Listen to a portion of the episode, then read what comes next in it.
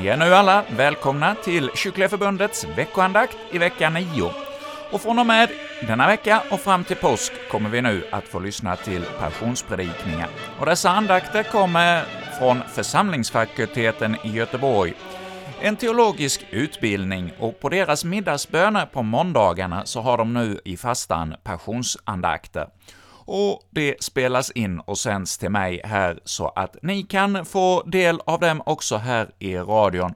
Och denna vecka är det Timo Lato, en av lärarna på FFG, som kommer att hålla i undervisningen. Och vi säger nu då välkommen både till Timo och er att vara med i dagens program. Välkommen till vår passionspredikan i Jesu namn. Vi börjar med psalm 135 och vi tar eh, tre första strofer.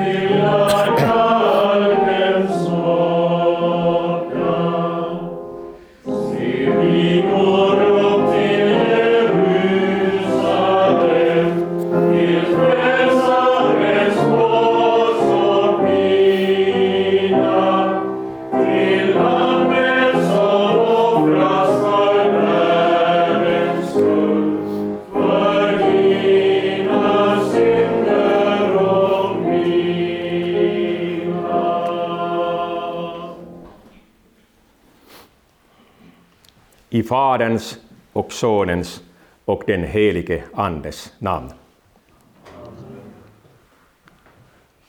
Herren vare med er.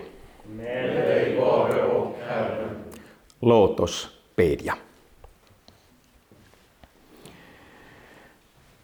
Himmelske Fader, du som inte skånat din egen son, utan för vår skull utgivit honom till döden på korset. Sänd din helige Ande i våra hjärtan, så att vi litar på din nåd och får leva i dig för evigt. Genom din Son Jesus Kristus, vår Herre.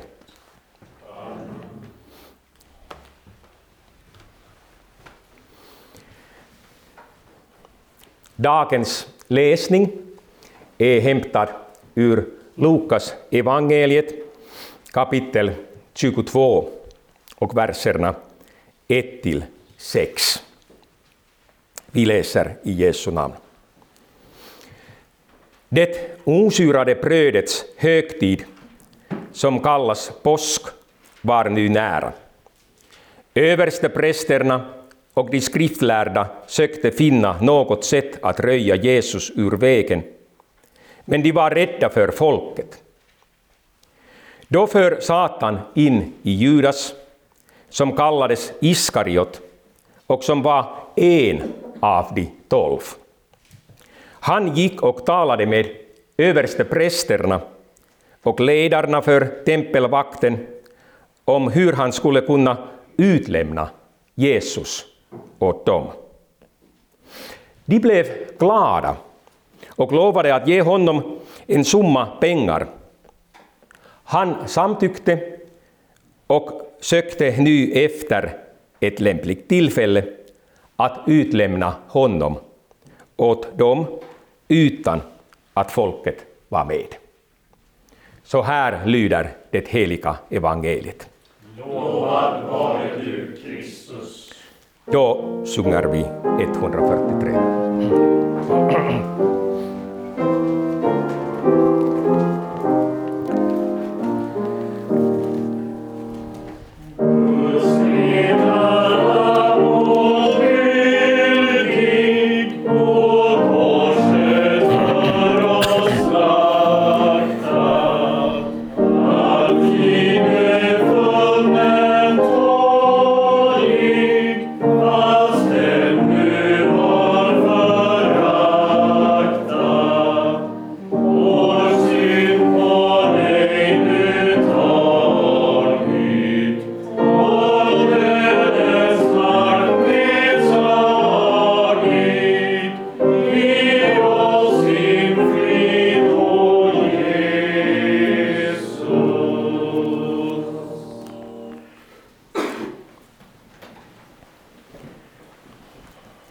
Faderns och Sonens och den helige Andes namn.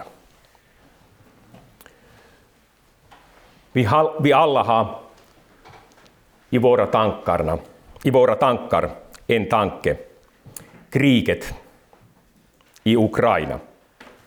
Varför? Fråga inte mig. Jag vet inte.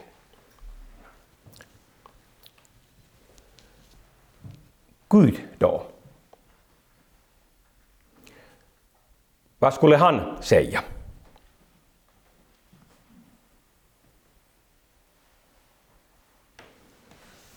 Just det. Varken jag eller du hör någonting. Var finns han?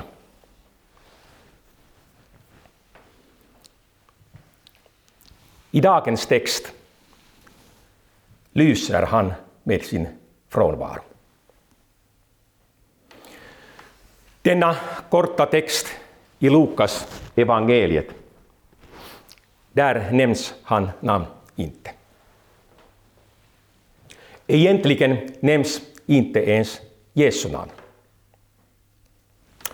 Visserligen står det här i folkbibeln ett par gånger men om du läser grundtexten så finner du inte ens Jesu namn där. Man har reducerat hans namn till honom, till någon. Men man får intrycket när man läser Lukas text att när man vill röja Jesus ur vägen så nämns han inte alls. Hans motståndare hatar honom och det är liksom damnatio memorie. Man får inte ens nämna den skyldiges namn. Därför om vi läser dagens evangelietext på grundspråket så finns där ingen Gud. Jesus är underförstått, men också han är borta. Vi har bara Jesu motståndare. Sen har vi en spricka där bland Jesu lärjungar. En av de tolv vill förråda sin mästare. Och de har sina listiga planer. De kommer överens. De är eniga. Och sen tar texten slut. Var finns du, Gud? Och det är inte första gången vi har sådana konstiga heliga texter. Man måste verkligen fråga sig själv, är dessa texter överhuvudtaget heliga? Det är ju Guds närvaro, Det är ju Guds ord som gör någon text till en helig text. Men om Gud lyser med sin frånvaro, kan vi då säga att det här är en helig text? Var finns du, Gud? Och tillbaka till vår frågeställning. Var finns du, Gud? I Ukraina. Där någonstans, men vi ser ingen. I Gamla testamentet har vi en hel bok, kanske till och med två olika böcker, som tillhör vår kanon, men som inte nämner Guds namn. Om du läser Esters bok från början till slut, du stöter aldrig på Guds namn. Jättekonstigt. Och ändå, du har den här boken med i vår kanon.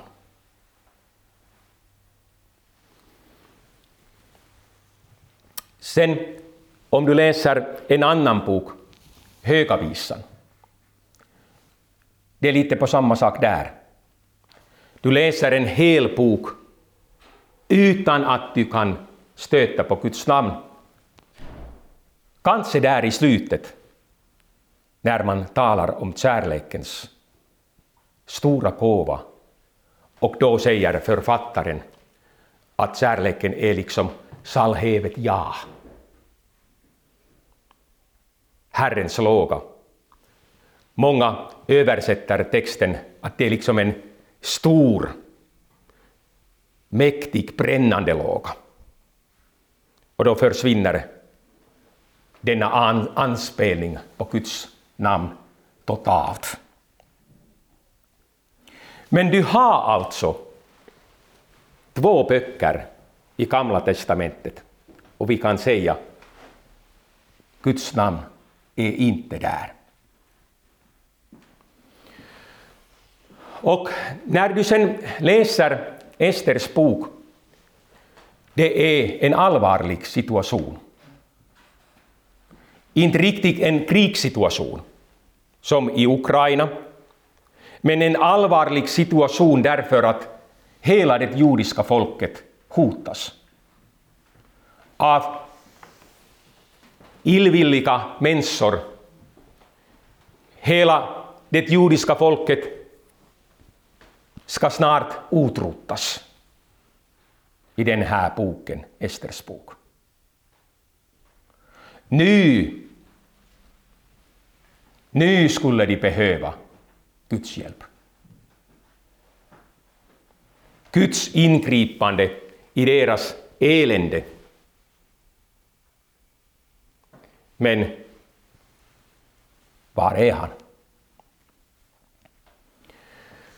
Sen om vi läser texten mycket, mycket noggrant så kan vi se Guds namn fyra gånger i texten, men på ett fördolt sätt. Nämligen, Guds namn nämns fyra gånger, men på ett sätt som kräver eh, en noggrann läsning av texter. Där har vi nämligen detta urgamla sätt att sätta någon, något namn, något budskap, så att man läser första ordet, första bokstaven i varje ord. Och då får du Guds namn JHVH två gånger i Esters bok när du läser fyra första bokstäver, bokstäver i fyra efterföljande ord i Esters bok i vissa texter. Och du läser dessa fyra ord framåt. Sen finner du Guds namn två gånger till. Och nu läser du baklänges. Och sen ännu en gång. Du finner Guds namn på det här viset, nämligen hans namn, jag är. Så vi kan säga att Gud är där någonstans. Han är där i Esters bok. Bara du ser honom.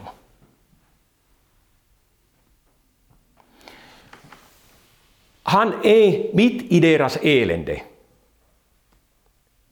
Och när vi kommer till slutet av Esters bok så märker vi att det judiska folket fick frälsning från Gud. Det judiska folket blev inte utrotat. Och som sagt, sen har vi detta positiva fall. Höga visan. Den rena kärleken. En kärlek som inte orenas av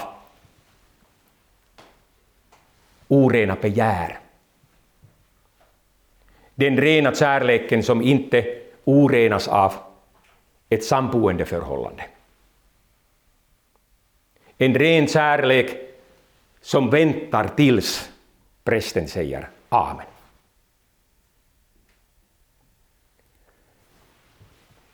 Det är en sak som vi måste understryka idag därför att många kristna ungdomar inte är medvetna om det här.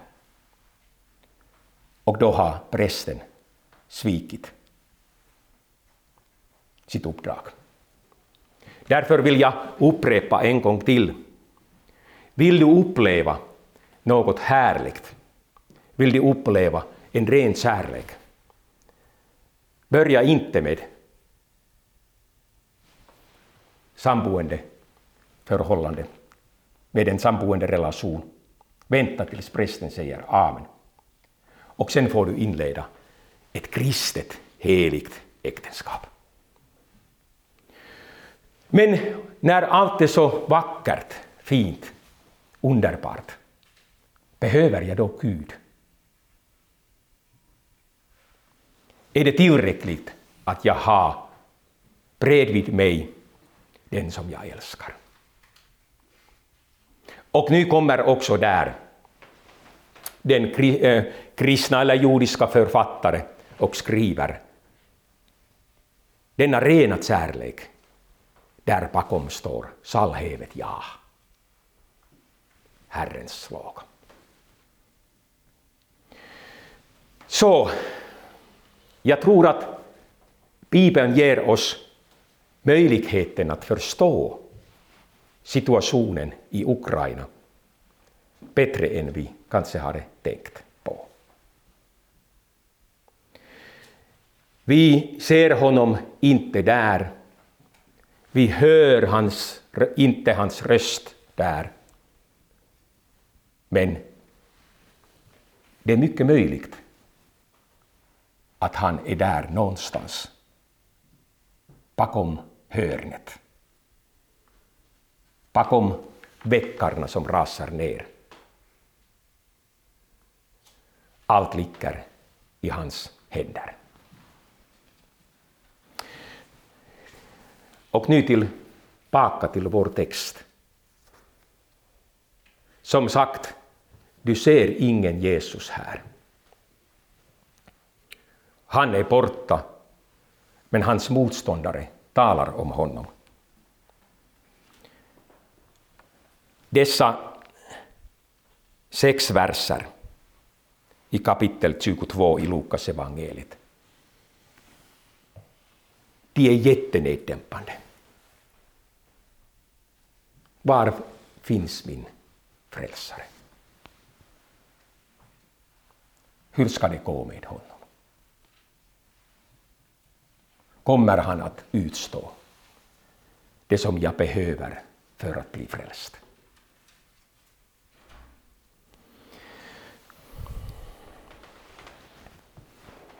När vi sen läser allt det som Lukas har skrivit så berättar han att Jesus hade redan i förväg han hade profeterat att han kommer att lida. Och då skriver han bland annat att Människosonen kommer att utlämnas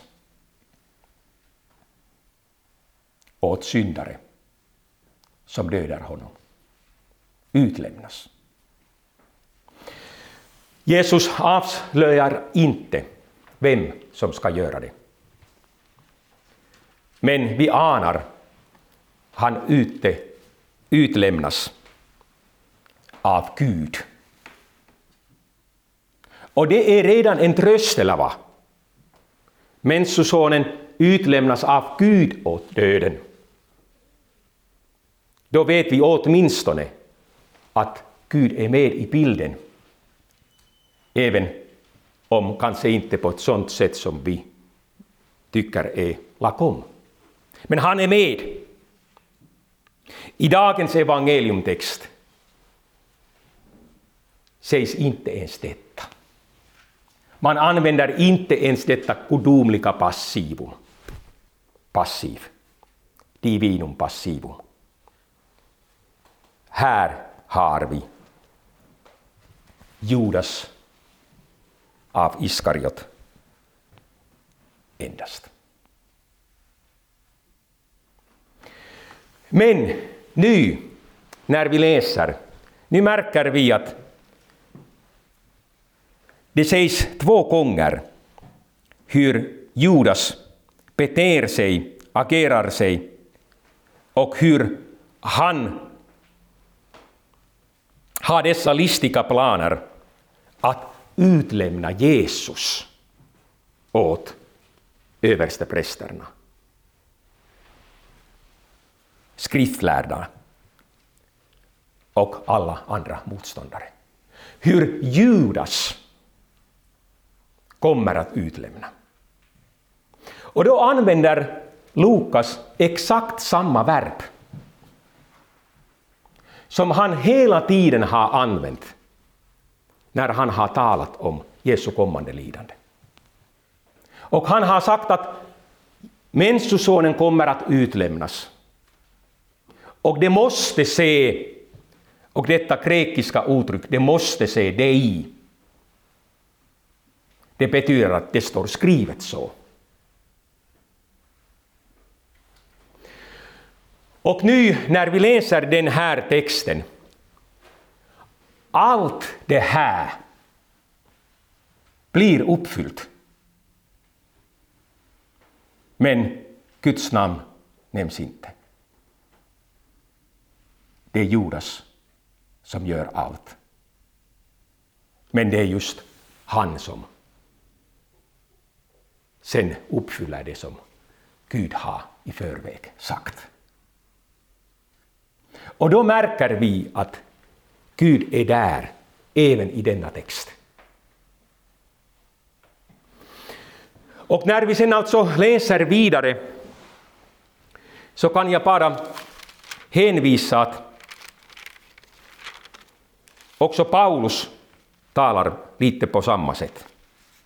Han skriver nämligen lite anstötligt där i Romarbrevet. Han talar inte om höga visan, om denna rena kärlek, utan han talar om den orena kärleken. Och han säger att Gud har utlämnat människorna till skamliga laster. Till skamliga begär. Och han talar om sexuella laster av olika slag. äktenskapsbrott, samboende, homosexuella relationer. Och då uppstår frågan, varför säger du Paulus så här att Gud har utlämnat folket åt skamliga laster därför att folket inte ville lyssna på hans ord? Det väcker anstöt, eller vad? Men om du orkar läsa vidare Romarbrevet, då får du svaret. Nämligen sen säger Paulus på samma sätt om Jesus att han utlämnades för våra synders skull åt döden. Och hela tiden använder Lukas och Paulus och Jesus detta samma verb, utlämna. Och när vi sen alltså frågar var är du Gud? När vi ser omkring oss syndare och när vi märker att jag är den största syndare. Var är du Gud? Varför har du tillåtit att jag har fallit så djupt i mina laster jag har blivit addikt? Jag kan inte befria mig själv från mina synders rep. Och vad gör vi med alla dessa människor som är så stora syndare? Var är du, Gud? Och då läser vi det som Paulus skriver. Det var Gud som utlämnade Jesus för våra synders skull. Så att du skulle få syndernas förlåtelse.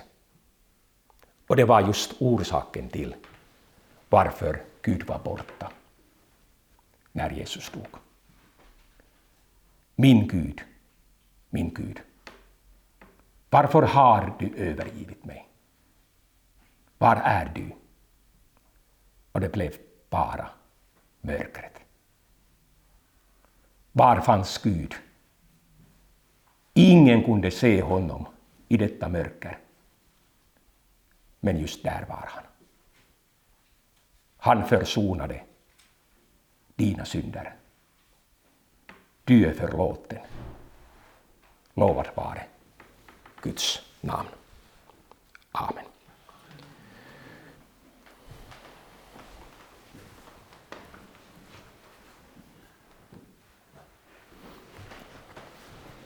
Sista strofen psaltar, ei, ei psalm ett 135.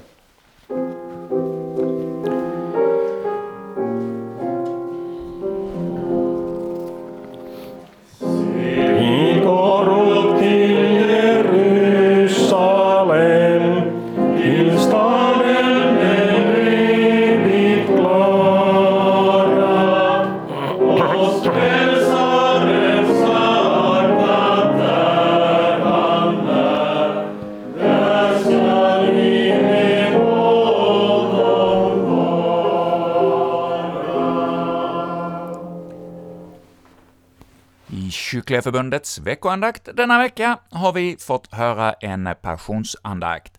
Och det var Timo Lato, en av lärarna på församlingsfakulteten i Göteborg, som ledde denna betraktelse. Och vill du höra fler passionsandakter, så var med oss här i radion under fastan, så kommer du att få höra fler av FFGs passionspredikningar, som de nu kommer att ha ända fram till påsk. Så lärarna på FFG är det som kommer att ge oss undervisningen nu under fastetiden. Och med detta säger jag, som heter Erik Olsson och är programledare för veckoandakten, tack för denna gång och önskar er alla Guds välsignelse.